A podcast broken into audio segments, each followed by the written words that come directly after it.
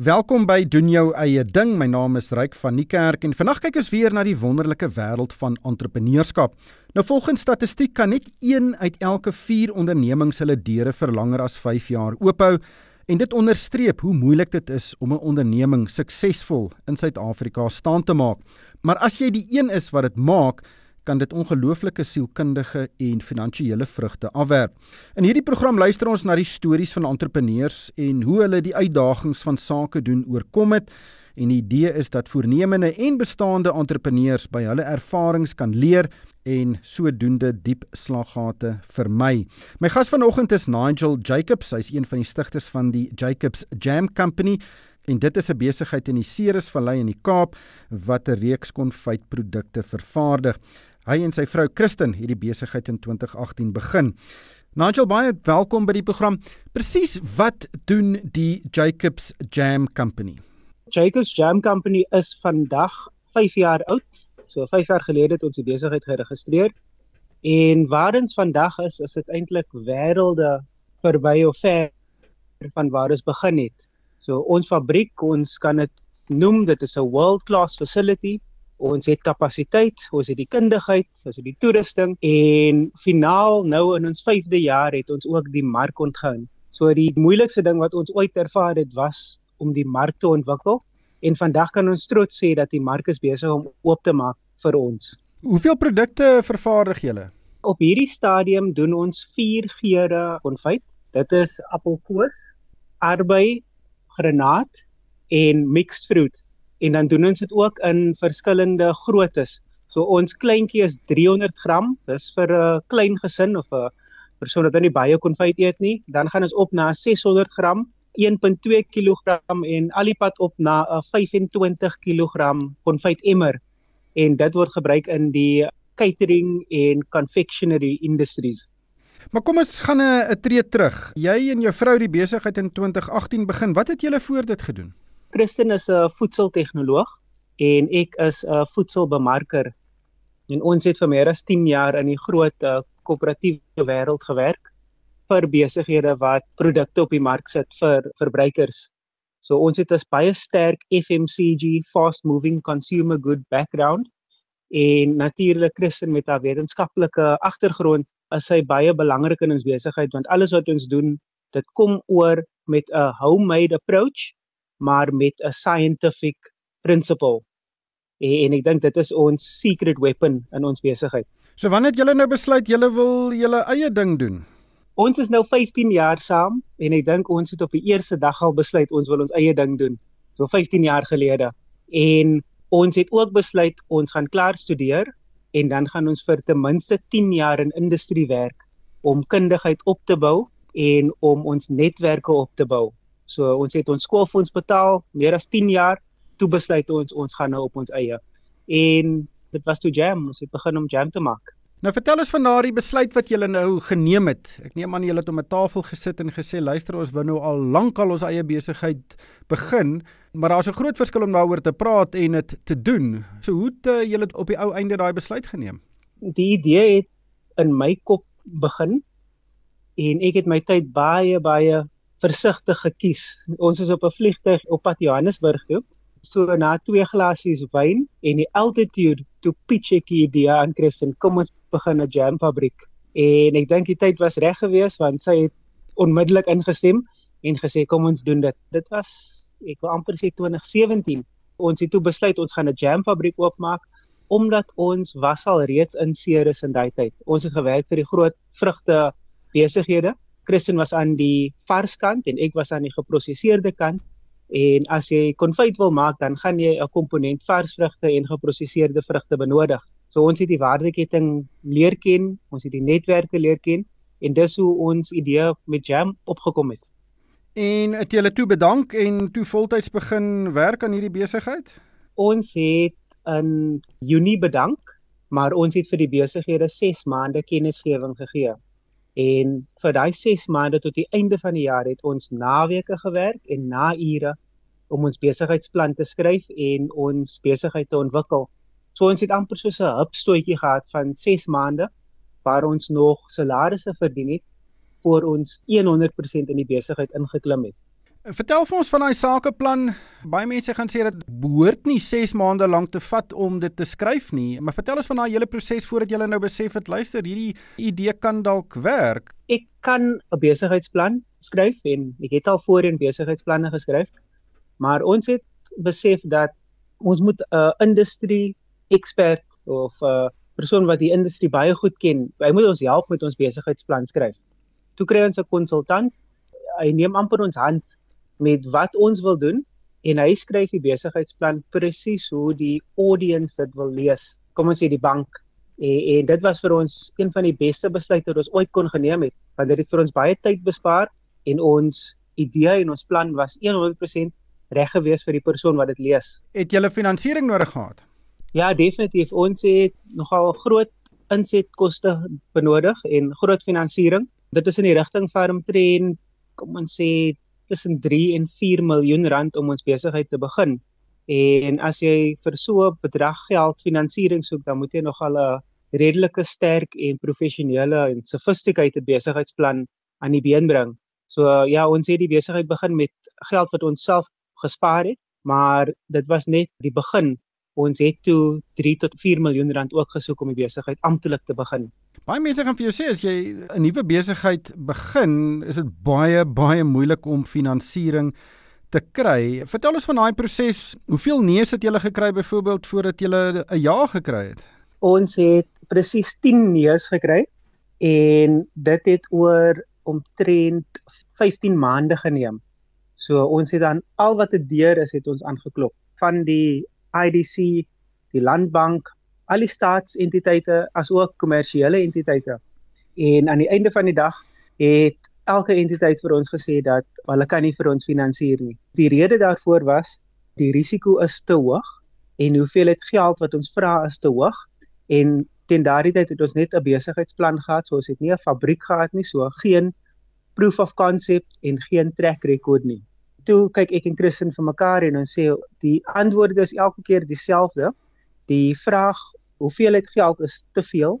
Kom ons skaal af en ons skaal toe daai bedrag af en ons gaan in met 'n heel wat kleiner bedrag en toe kon ons sien dat die aptyd hoër word om vir ons te help en ek dink so na 16 maande of amper 2 jaar toe kry ons finaal ons ja antwoord en ons het gehardloop daarmee.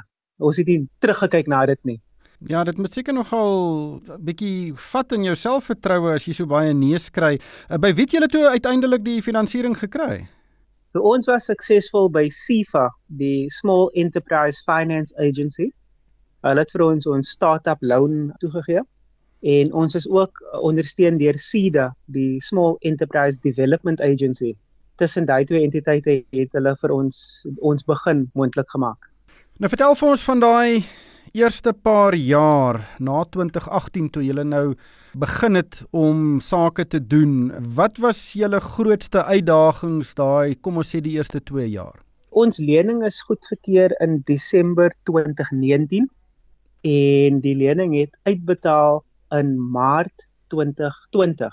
En dis presies dieselfde week toe die president die hard lockdown aankondig, COVID-19 hard lockdown. En ons kan sê dat die Die eerste groot uitdaging wat ons gehad het was die COVID-19 pandemie. Dit het vir ons baie baie groot delays veroorsaak en ons kon toe nie begin soos ons wou begin het nie. Ons is omtrent nog 6 maande agter met die begin. Dan die die tweede uitdaging was die mark. So die eerste kant is dit COVID-19 wat gepaard gaan met die mark want toe die wêreld konservatief word, het die kettingwinkels ook konservatief geword. Hulle het geen nuwe produkte ingeneem nie en die antwoord aan ons was verbruikers het minder geld. Die wêreld is nie seker van homself nie en verbruikers koop net produkte wat hulle ken. En dit het vir ons nog so 2 jaar agter gehou en nou finaal in 2022 het ons ons eerste deurbraak gemaak. Ons is toe gelys by Checkers in die Weskaap en na dit het dit soveel ander deure oopgemaak dat ons is nou selfs in baie ander kettingwinkels ook. Ja kyk, toegang tot markte is absoluut kritiek. Dit help nie jy kan die beste konfyt in die wêreld maak en jy kan dit nie verkoop kry nie. of jy kan dit nie voor mense kry en hulle die opsie gee om dit te koop nie. Hoe het julle dit benader want julle moes geweet het aan die begin, luister, daar is baie baie verskillende konfytvervaardigers in die land en dis 'n baie mededingende mark. Hoe het julle te werk gegaan om daardie mark te ontsluit om nou toegang te kry tot die rakke van Checkers byvoorbeeld? Ons het die enterprise supply development roete gevolg.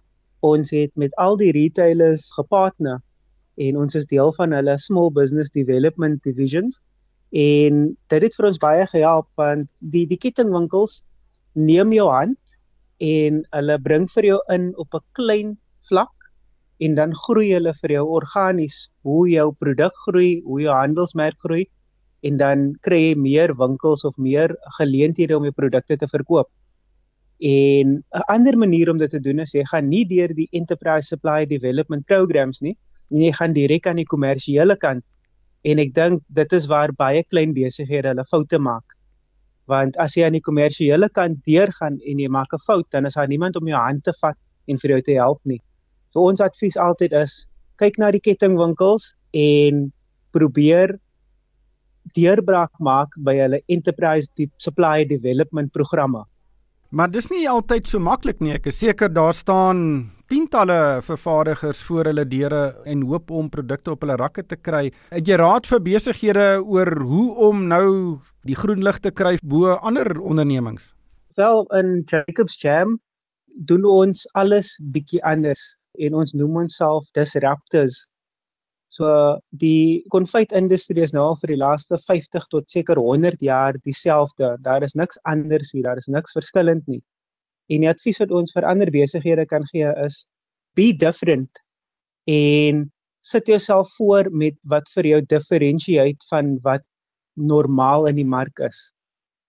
En ons het 'n hele paar komponente in ons produk en in ons besigheid waar ons net heeltemal anders is as wat op die rak bestaan en dan kan jy sien hoe staan jy uit tussen die 10, 20 of 100 ander handelsmerke en dit is die, die advies wat ons kan gee vir ander klein besighede. Jy moet kan uitstaan, jy moet verskillend kan wees en jy moet kan disrupt. Ek gesels met Nigel Jacobs, hy's een van die stigters van die Jacob Jam Company en dit is 'n vervaardiger van konfytprodukte in die Ceresvallei daar in die Kaap. 'n Naam is nooit net 'n naam nie. 'n Naam word gemeet nie bloot aan wat dit sê nie, maar aan wat dit doen. Neem ons naam byvoorbeeld, Efficient Wealth, om die meeste van jou tyd en geld te maak. Dis wat ons doen. Ons omskep prestasievermoë in welvaart. Vind uit wat ons vir jou kan doen by efw.co.za. Efficient Wealth. Dis wat ons doen. Efficient Wealth is 'n gemagtigde finansiële diensste verskaffer. Ek gaan voort met my gesprek met Nigel Jacobs. Hy's een van die stigters van die Jacobs Jam Company en uh, dit is 'n konfytbesigheid in die Ceresvallei in die Kaap. Nigel, hoe lank het dit julle gevat om gelyk te breek? Wel, dit is 'n interessante vraag. Na 5 jaar het ons nog nie gelyk gebreek nie. As dit sin maak. Maar dit is deel van 'n baie langtermynplan. Ons ons planne is langer as 5 jaar is. You know, hierdie is 'n 50 jaar of 100 jaar besigheid wat ons nou besig is om te bou. En op hierdie stadium finansier ons nog baie gedeeltes van die besigheid en die break-even point gaan binnekort kom, maar ons is nog nie daar nie. Ja natuurlik is dit maar 'n ekonomie van skaal ding. Jy moet baie konfyt verkoop om al die rekeninge te betaal. Hoeveel konfyt kan julle vervaardig en hoeveel het julle die vermoë om genoeg te vervaardig om daai winsgewendheidslyn oor te steek? Ons sou daar gewees het as dit nou nie vir al die probleme in die wêreld was nie. Die COVID pandemie het ons agtergesit. Um ons sê die uh vloeds in die in die in KZN, die riots in KZN, die oorlog in Oekraïne en, en tans is dit load shedding. So hier is alles onbekendes wat ons in 2018 geweet het nie. En dit het ons launch baie baie delay. En ons het mos nou finaal die deurbraak gemaak en nou begin die syfers sin te maak met ons beplanning en ons forecasts in die in die toekoms. En ons kan tans 2 ton konfyt per dag maak en ons kan 'n syfer sit, ons kan 'n 100 ton konfyt per maand maak. En op hierdie stadium voor ons die deurbraak gemaak het met die mark, kon ons net 20% van ons kapasiteit verkoop. So ons sit met 'n groot fabriek. Um ons het die kundigheid en die grootste uitdaging vir ons was die mark en nou finaal het ons die deurbraak gemaak aan die markgedeelte en, en nou begin die somme en die syfers eers begin sin maak. Maar baie mense gaan vir jou sê, luister, 5 jaar lank en het nog nie 'n wins gemaak nie. Jesus, julle moet seker sente omgedraai het en baie gegloot in die in die sakeplan en in die besigheid en in die produk. Maar weer eens, dit moet mos met jou kop smokkel want as jy nou 'n jare wat so aangaan, gaan jy dink, "Jene, het ons die regte besluit geneem?" Hoe het julle daaroor gedink? Sê nou maar daar jaar 3 tot 4.